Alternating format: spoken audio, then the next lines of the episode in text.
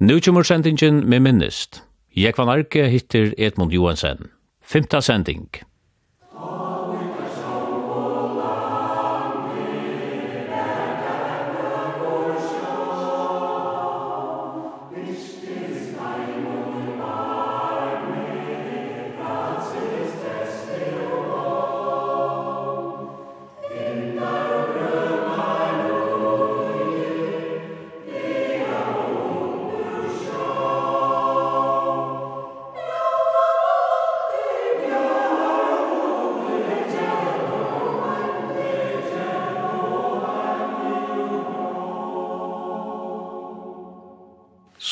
vinnerløs medover, så varst du limer i fiskasølene, og du varst eisne i nevntene i fiskasølene, i flere år. Fiskasølene var et lotafelle, og så Johansen var sjåvand limer i fiskasølene. Det var nesten et virkene som utflutti ur fargen. Og vi kunne nevne at eh, det var en 20 flakka som var limer, det var saltfiskatrålar, det var flekatrålar, det var rætjeskip, det var laksaskipene, og det var negv bæg, fristeskip som fiskav, hemara, svarkalva og andre fiskaslø, som var landjebors og fristi ombord, som var limer i isen her, fela. Fiskasølan hei sjåvande til oppgave at uh, selja, men òsini at futja virksemi, for ein stauran part av futja. Og for jeg kunne gjøre alt dette her, så var Fudgingen ikke bare ur Førje, men hun var ur Hambrosbank i London, og i Handelsbanken i Danmark, som tar kattleist. Og så kom det fiskasølen Øysene trettje på Nasjonalbanken i Kongarøysen i Danmark. Så det var bare søla og putjing og at skaffa pakning til kipene og alt det som har til vørene. Og så var det hver og i vøren ble selv til. Fiskasølan så inne Fele og i til dømes Grimsby, her var det Grimsby Seafood, som omsette tævørene som får tannveien. Men i Hirsals var det et virke som tog for det meste med rætjekipen. Vi kallet det ta at, at skuma eskinær. Det var ofte noe mer utdømmen enn 5 kilo, og så blir det skuma her. Og Det var ikke alltid skibene hadde det sånn nøyaktig vektene, det var noen penger å skjome her. Og så var det, jeg får ikke tale om, en god gruppe som til dømes Coldwater i USA, som kjøpte fløk ur fyrju. Fløk av vinnan var nek vi hadde det da. Og min særlig er at det er som det kallar for 5 pund, det var til Amerika, og det var det røyna god etter møter, det er vi fyr. Og det var så triste vater som fyrte førningen ur Sverige. Og det ene tøyene var eksporten til USA så større at det var nærmest av skip om vikene som kvar ur Sverige til Boston. Og det var rysig her skipene fra danska skipafellen Ice, vi kallar det Ice båtar da. Men Icene fører båtar, båtar som Olav Gregersen, og jeg halte starbåtarne var jo Icene vitla føra fang til USA. Så hetta var virksemikja fiskasølen.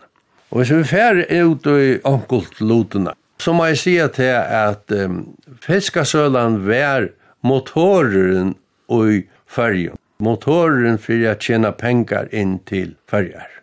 Det var a lotafela, ongen hei forra, det var ein fyrir öll og öll fyrir ein fela, og det galt om a fudja og selja og servisera kundanar. Altså ligge inne vid pakningi og vi etiketten og kunna fremleiernar om hva det kunne seljast og hva som vøran skulle gjeras til.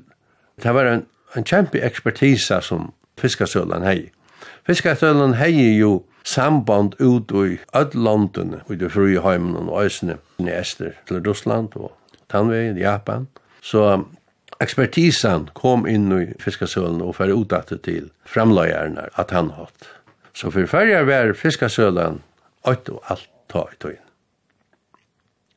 Hvis vi nå takk og nagrøyna virksomhet og i utlandet sinde Møyra, så kunne vi si at her arbeidde 240 folk i Grimsby. Og de arbeidde vi at det som man i dag har kallat for at gøska vørna. Oftan var det således när att den allra bästa vören hon får till Coldwater i USA. Men så var det fiskar som hade akkurat prigla ankran foil som um, inte kunde färra den vägen.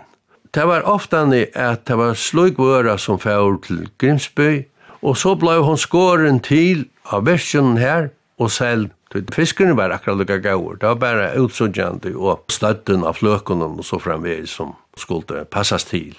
Og det gjør det til at føringar finner mer, negg mer for fisken av det samme. At han vøren som annars er for selv vi en negg lagre prøys, han får for samme prøys av det han kunde gøskast for av vujar.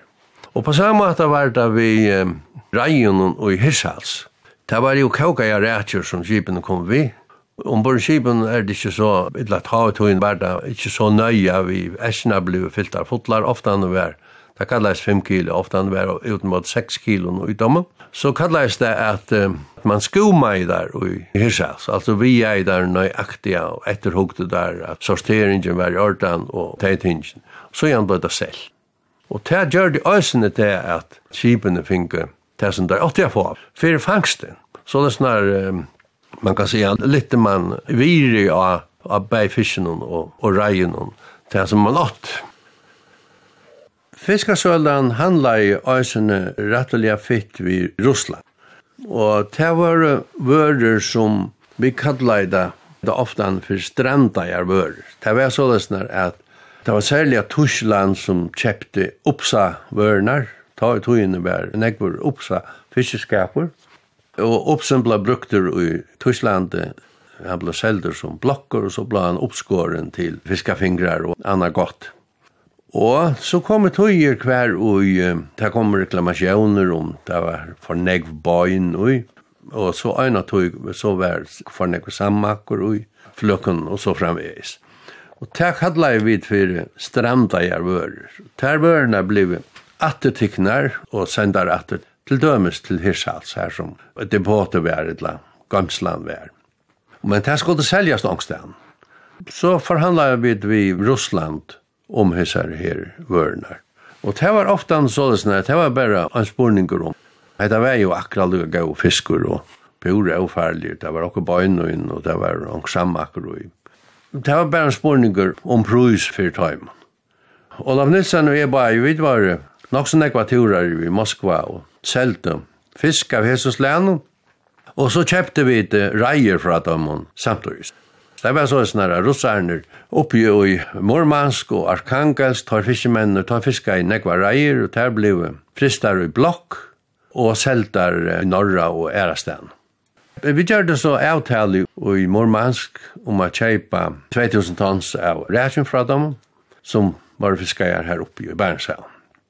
Og så selte vi samtidig det som vi kallar for stranda i vører til dørre Men hetta blei en fastur handel etter handen, ja. Der damte vel i seg vørenar, ta med falt jo ikke utan, det var akkur bøyne ut dem, og anker sammakker, da finner det er sint lagerbrus, og føringa finner penga fyrir det. Men rætjenar, det var nok så kryptisk, altså, vi skulle måtte gjøre avtalenar i Moskva, og det var jo i kommunistatøyene, man skulle ha særligt innføre løyve og ta galt så snakka er, og, og passable tidsi fra øynene da man kom iver og utlevere at det er man var vel kannaver og slappa sted Men eh, fiskeren ble fiskaver oppe i Murmansk og jeg minns det at frakkbåtene som kom vi vørne tar var ur Baltikum. Så det var baltar som kom vi de første lasten til Øyrar. Båtar som tog en 200 tons fraktbåtar. Jeg minnes det at de får ombord til skiparen, og her var, her var bøylat av Stalin, og det første som jeg sa inn i kameran til skiparen. Han bjør meg inn her. Så det var, det var tøyelt at det var kommunista-tøy i Russland. Vi gjør det så i fløyre år avtale vi russar om å levere reier, og samtidig selte dem vörer av sneslænen som tar kjepti og ingen annan kjepti. Så handlet ikke godt, og tar helt sine avtaler og blir til de okkar avtaler. Men det var allikevel sålesner at vi gjør det en kontrakt, vittar om nøkter som tar skulle levera, men pryseren, han skulle avtales, altså ta var det lest, ta kom til normen og er uslendar bjaua, og på av ørna, men jo vær ombord i baten. Hun blei ikke endelig kjept fyrintaet. Så vi skulle betala marknadsprys fyrir det. Men eh, det er ikke et funnet system. Og som regel var regnar rattelige gauar. Det var fullt av hatt vi da første regnar, selv om det var blokkfristar. Det sa ut for meg som at har brukt det som og smav og blokkanar til annan fisk som de brukte til rætsnar. Og det samme så er det vært kjøtt nye fristar og kvaliteter nu er, vi gauar her etter. Men tøyene brøttest eisene innenfor hesavinnar. Ja, tøyene brøttest alla tøyene. Og rækjebataner tar fiska jo nek i Vestergrønland i Aberja vi, og i Estergrønland. Det var jo føringar som ferdig an her. Og ta i Grønland kjemme fire seg, så missa føringar fiskeretten her, og etter heva dør fiskeretten oppe ved Svalbard og Lutsindre Barentshavn og Og så modar færa vestrett. vestretter. Tar for å kjeipa sarkvoter i Kanada Og nu er så EU-reglerna brøttar, så løsner at man må anse etter at oppronen er føresk for at sleppa toll frutt inn i EU. Og batane kjeipa så kvoter i Kanada, og tar av føreska manning, det førest flagg, førest skip, så vøran er etter reglene føresk. Og til fiska av bataner, og i nokso negvar i Kanada, fiska av negvareier. Og tar hadde jo funnet mi som var i internasjonale sjekve, Flemish Cup og Erastan i Halte Grand Bank, som føringar finge kvot jo på. Det var det til førskareie. Men jeg sa kjepte kvoten her, det var etter avtale vi kanadiere, og tog måtte kontrakten være sånn at terreinar var førskar, førskip, førflagg, førsmanning.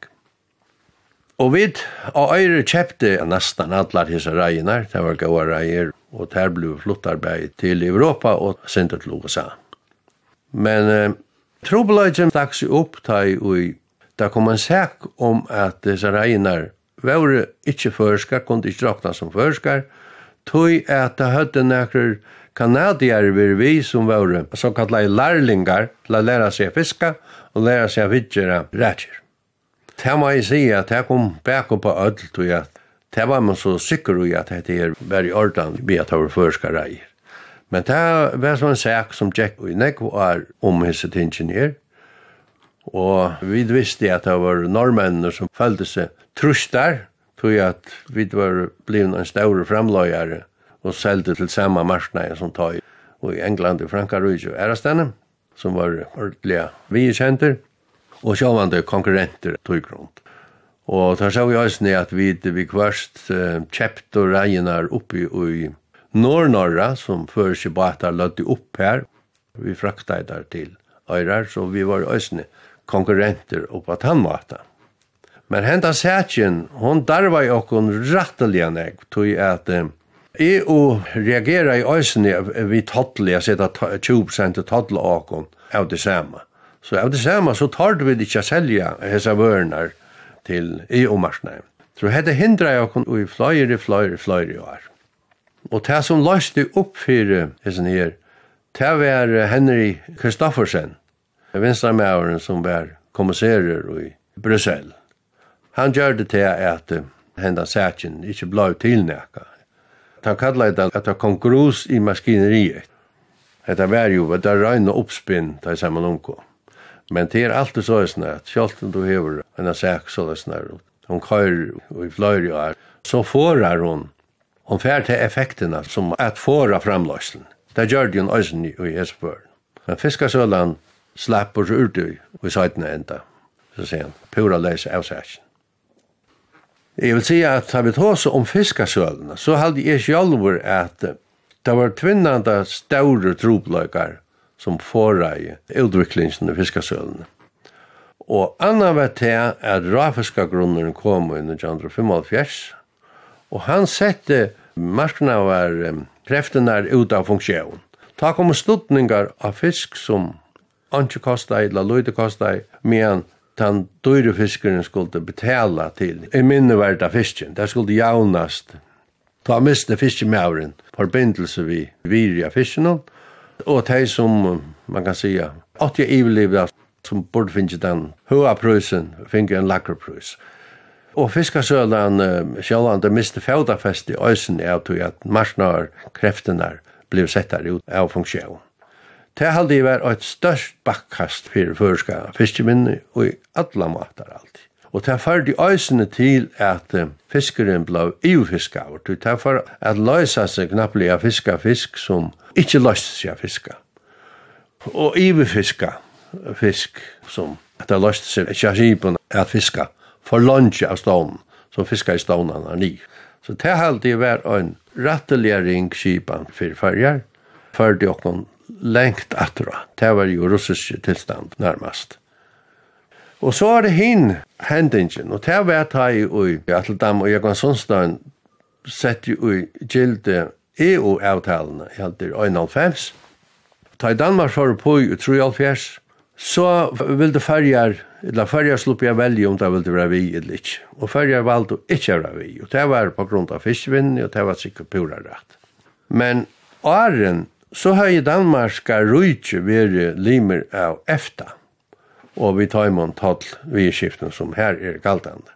Og fra 3,5 og til 1,5 så hadde færja praktisera hese her efterreglene Og det er ikke funnet, altså det latest akkurat som ikke, men så er det til at Danmark fær en troplegga vi EU, EF som det takket leist, at uh, EF vil hava, altså rodde opp og gis ned, at førja skulle hava en særlig avtal.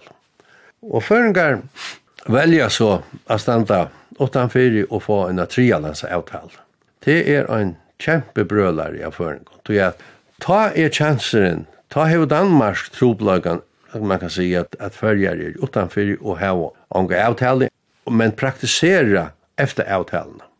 Vi sørger ju till at land som Isle of Man, som, som høyre till England, de får, selv om England tar blod fotlelimere av EU, så får de under tolv samgånger, Du tei er et land av en ørenslæg til særlig et banka land, kan man si, en banka virksomhet. Og vi så ikke øysen i at all land fer en avtale som øyder limaskaper vi undantøkken. Og undantøkken er til det som boskaperen tja taimon kviler av. Fergebyskifter, taksfri og nyseteratter og, og sånne ting. Og det får jeg fra Finland. Grønland ble så fodle limer sammen vi i Danmark og natøy, men Grønland vil melda seg ut ur EU-fellesskapet, og fær så øyna OLT-skipan som er tilpassa Grønland samtidig. Men vi sitter her, vi ødlom korsten, Danmark har problemer i for EU, og vi fylgjer efter reglene og praktiserer det her, men det kommer ikke krav for førjen om å få en avtale som man kan si for boskaperen har bruk for. Det første brukskaperen er jo en fiskevinne brukskaper, og sjálvande må tann brukskaperen kvile av frujan handel vi fisken. Det skjer en utvikling i alla tøyene vi fisken. Man kan ikke seta kvoter og loft og, og bare kunne selja råvørene. Det må være Det må være fruer handel vi litt noen vøren av alle møvlings, annars helder utviklingen opp hæt i landen. Og så er det sånn at den utviklingen helt og bæt, og fiskasølan, så sier han, fikk møyne av oss ned. Tog det som hendte var det at alle virkene og skipene, alle fyretøkene, der hadde jo spurt tiltaksgrunn inni fiskasølene, og jeg sånn her tiltaksgrunnen, han var pansetter ute i virkene, da i virkene for å genge ytla, skipene for å genge ytla, så, så får kapitalen ur fiskasølen. Og ta som her var fått alle skipene og all virkene og så videre, og tar færa, ja, så fer alt. Og dette er en katastrofa for fyrja, kan man sige. Og vi hesen her fer ikke bare fiskasøla, men det fer øysene for seafood i Grimsby, og det fer virkje i Hirsals, og så framvis.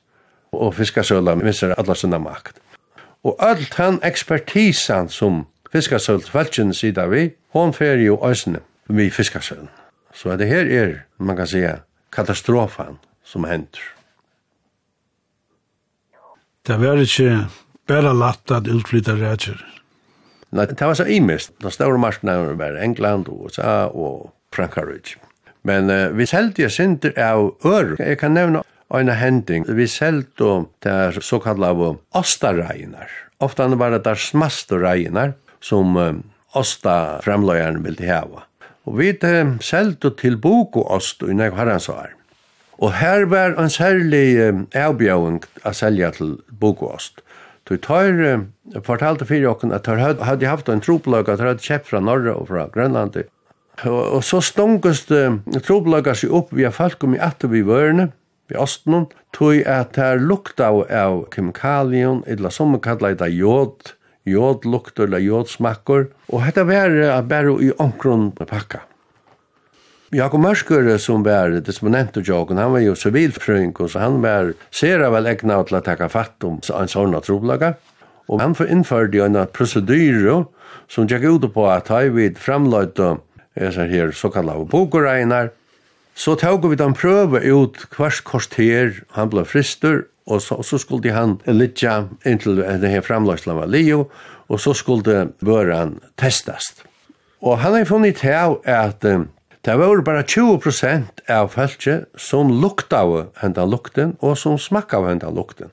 Han kallade det for at de var sensitive, eller supersensitive. Og så fann han nøkker folk som var supersensitiv, det var særlig at hver systrar som uh, finge hette her til oppgave. Det var så fullsamma at jeg kom inn av virke, Så kunne du der vi nøsen i vekkere si at Nå, framleia ditt hesa er det. Det er lukt av det på en av veien.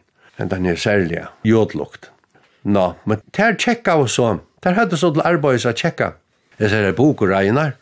Og det ble ikke sendt av sted for det hadde sagt godt fyrir.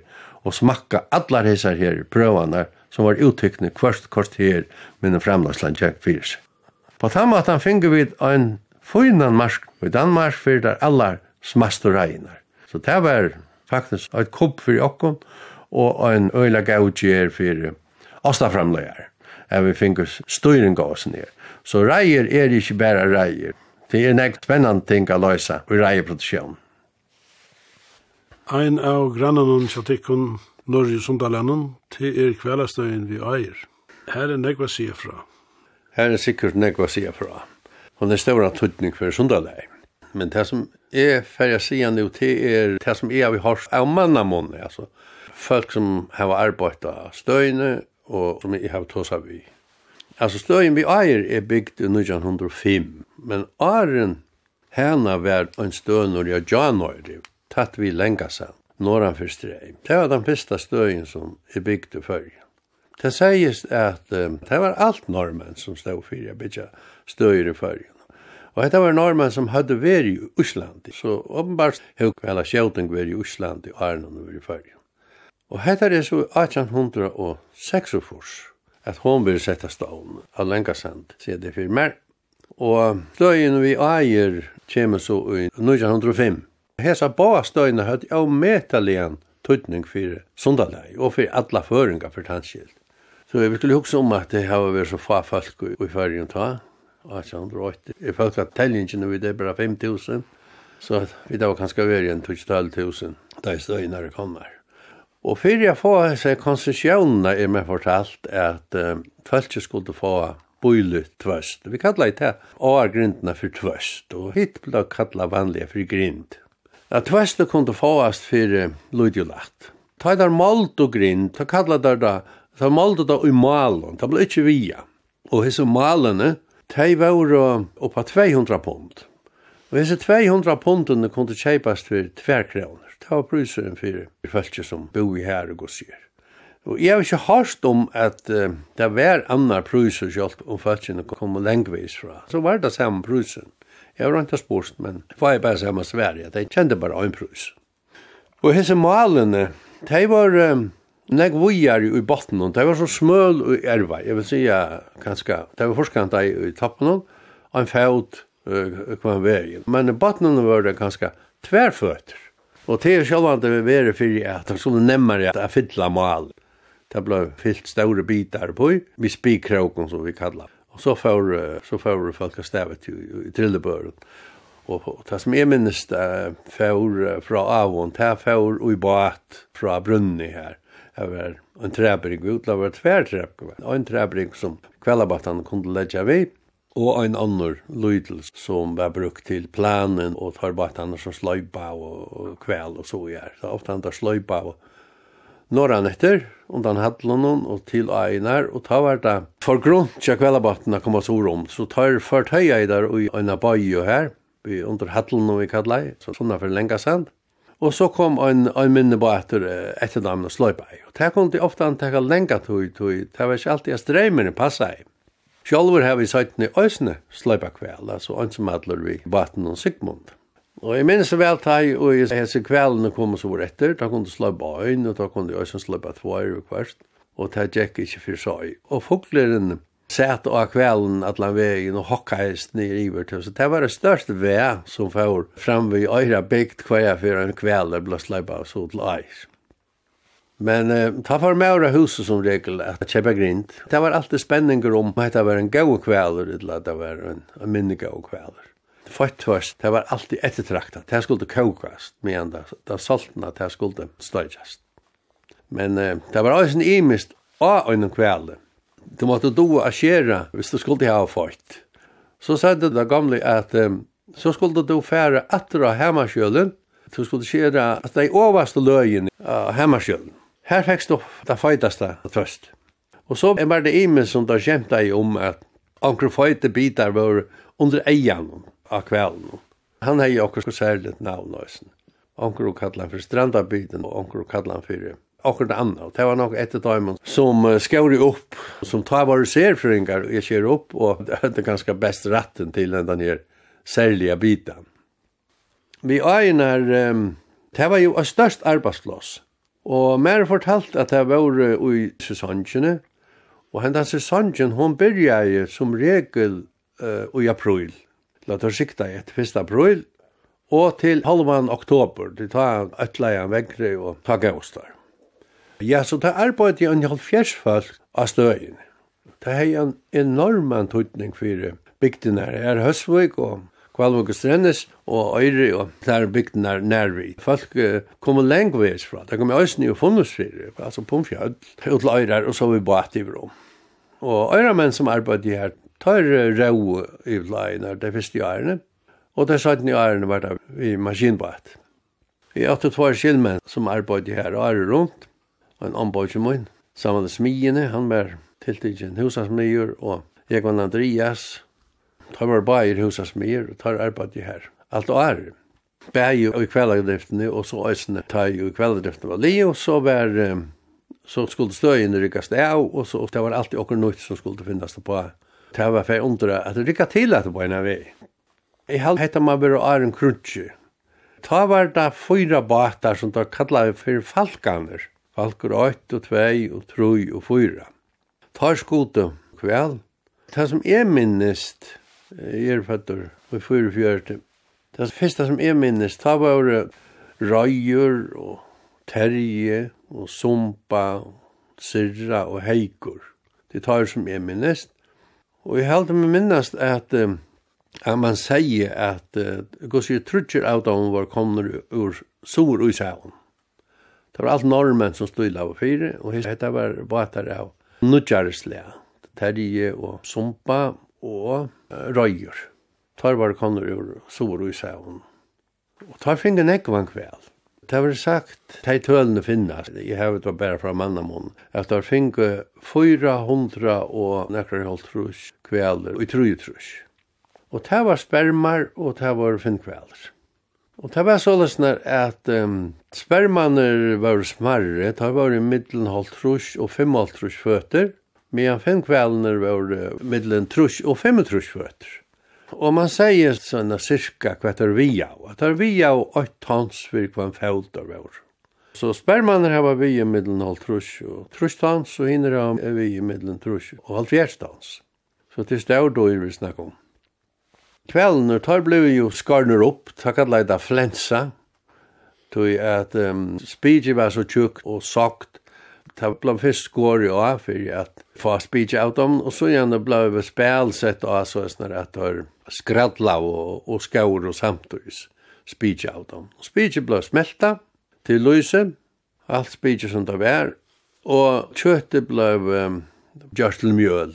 Og det er satt ni æren i øysene bøynene, altså bøynagrinden og, og rivjabøynene. Vi kjenner kanskje rivjabøynene fra Føringa brukte det til lunnar, til, til å dreie batar etter. Da lån jeg og lunnar vi nesten i øyre, da gjør det enn, til å dreie batar etter. Det er så rivjabøynene. Og jeg halde at det her er, og jeg får trus at um, det heldur pæt vi kvæla på atten. det sikkert utkonkurrera i av olje og og jo av ørensla GD bæra.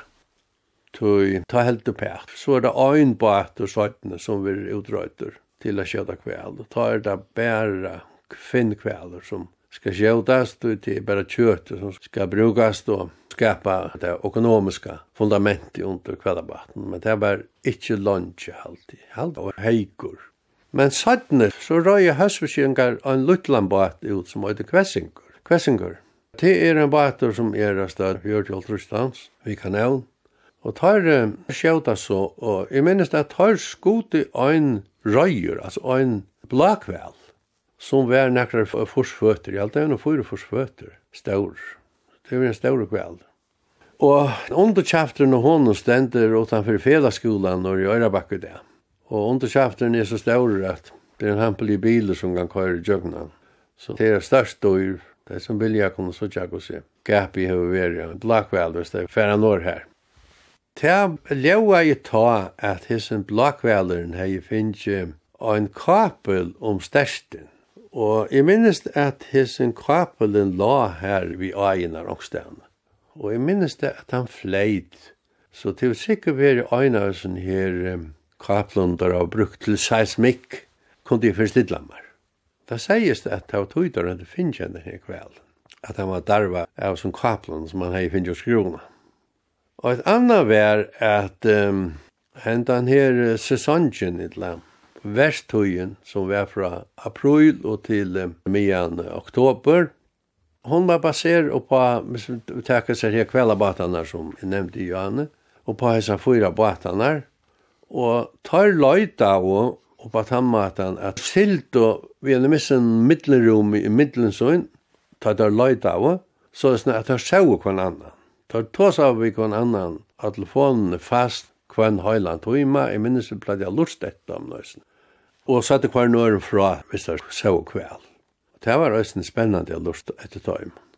Men så satt der at um, kvela gongten, Hon var ikkje det samme om vare som om heste. Tog om vare fyrir der norr etter vestanfyrfyrjar. Men om heste tar der kom i attor. Ta kom der estanfyrfyrjar. Om vare tar der kom sunnan etter, ta svom der middelen langgrunnen og fyrjabanka. Og ta der kom norran etter, ta svom der estanfyrfyrjar. Og så fyrir der sår i middelen skøyvabanka og fyrjabanka til det første etter. Og et annet var at um, tar som skåri upp i eier, tar helt i eia vi kvelden og gjør det nok nekra rannsøkner øysene. Og tar hukte i meian av øtlom kvelden, vita hva der kunne observere her. Og tar så alltid at det var spermar, var resten av meian ofta kjafteren av haftasko tar av sikkert li langs med han, og det er ganske ringere for døya. Det var så åkt som der hugde etter. Så spermaner var sikkert gynnsi tjøkken kanten her som nek haft ha sko være. Og så har vi rønt av sport hos gamle disse kveldene var. Det har vi ikke finnst svære på, men vi fikk svære på at tar skaurum øyra ur kvælen, til det skulle kannast ångsten hver jeg fer. Det er nekka vi alderen a gjer, at det skulle stafesta alderen av kvelden. Og et anna var at um, finn kvælener, tar var bæg hannar og håner, medan spermaner, tar var allar hannar. Det er angen hån, finnjen om okkara løyer, som er vart om. Og det ble sagt at um, spermaner til augustaner var unger augustar, eller spermar, som var um, faktisk um, utkarter fra Sor og Isavn, og fylltes løy balkom. Og det er um, eisne tøyelig at, um, det er bare undjukvæler, eller temmelig undjukvæler som er utkarter. Og på en måte kan man si at tar hadde um, alt i sommar, det var ferast ur sår og ishavn, norr og norr og ishavn, medan sommer og grauren er, flyta som middelen. Helst er det sånn at tar Stauro Augustaner tar dominerer her som hånden er her. Men en hinner struka, ferast. Og en av henne var så spermaråk i Sundalænen. Og jeg minnes det løyde synder av det, jeg har nok vært enn fem år gammel. Det heter Nudge Fjørt. De ble funnet sore i Natsefire, og ble rikner når i Sundalæg, når i Sund. Og tar ble hyllner til. Det var Nekker i holdt trusbermar, da blei hilner til akkurat som ånder grind av Estria landen norranfyrir i Ørland. Da fyrir jeg land her og tråka seg på land. Kvellabatane tar hardt i omendan her flotjen av spermon og kom så øysene opp på løgjen. Og tar lau så utanfyrir og skote nekrar. Det var en stor mannamikva som hei samla seg inn i landet her som spermaner kom i land og nøkre spermar lausa utanfyr som ikkje ordentlig var plass fyrir, og kvellabattene skote i rikven her, da bør folk flyta seg med, med der skote, og så får dere stav i, i spermen. Men det var ikke som man sier det, å få løyvi av sånn her spermen. Det var bare ikke til at jeg kan knoiven og sier at det er hals. Det var spidje alt for tjukk til, og all døyre var alt, alt for størst til å slippe nira av mønene. Så det er ikke ekvelig idla få løyvi av det. Men eh, det var så omkur som hei funnet til av at det var til å skjere seg inn av hjertet vi og noen flenseknøyver som der brukte vi eierne til det skjør jo. På samme at han finner der løyve av dem. Det var jo ungen skipan for spermon, så onker sånn kjentelig søva var om at nekrer um, sperma fyrir utdater, og ta i så kvellabattan og skodet av skjøttene så stod navn i dommen, altså forbakstavan til onkron, og i spitsen. Sjálfur minnist det at um, ein spermor kom inn vi kajen i herra øyre. Det var en lytel stump og gjørte ta av tank og her var en hedla sånnan fyrir enn den her kajstumpen. Her kom ein spermur og rente seg land. Han stod så fram og i seg hedlena. Det er jo tatt vi husen til okken, det er kanskje ikke mer enn halvtrus meter fra husen. Det husen stod nere i fjøren, det tatt vi enn den her kajstumpen. Heikur kom sur etter fjørnen og snadde av inn med åter her, og skjeit han denne kvelden og sløypa jeg så utfra. Og jeg minnes det at um, jeg stod i stovendan og skulle hitja, og pape, han ville ha med borster hen, ut her i stunden det nå fører å skjelta, vil si, og harpunen glappa av kvelden. Men det gikk alt godt, og heikur for å stav vi kvelden. Hetta var så mitt i, i versttøyene tja, kvelastøyne vi eier, og tar finne nekva en annan kvel, som kvelabatteren et skått i ærestan fra Øtsene, og æren, ofta han lå kveler og boja av etter å være oppskarner. Og var det finn kveler som måtte skunta seg hvis det tveste skulle være nev frukst. Så det var med fortalt sløypeier fyrstan spermar til støyene og i labra, i sore. Jeg vil si her, rikvinni av sperma.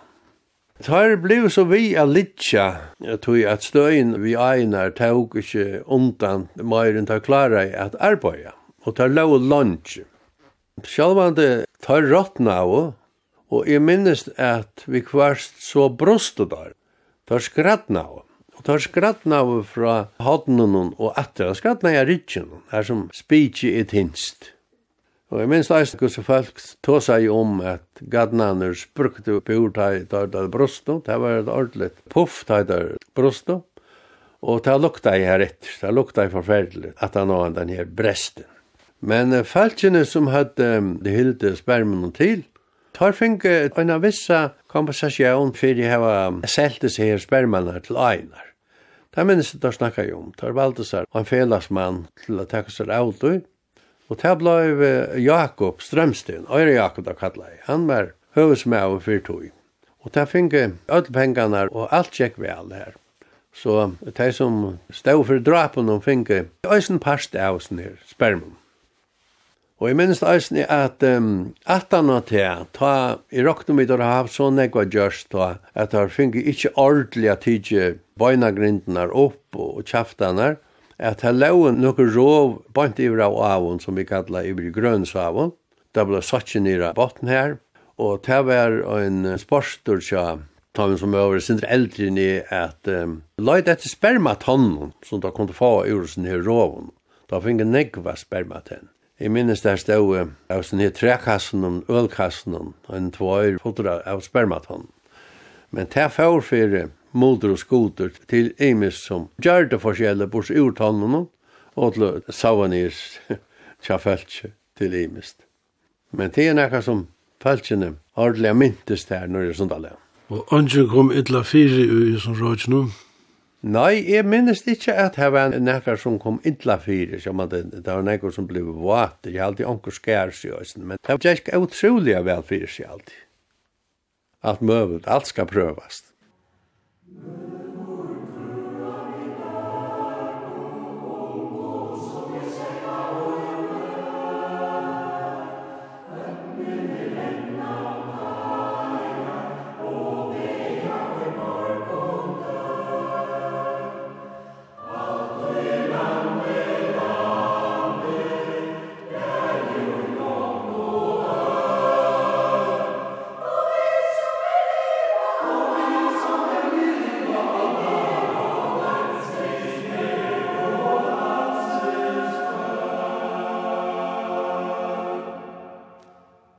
Hatta var sendingen med minnest vi Edmund Johansen. Jeg var narke leid til rattes. Fymta sending.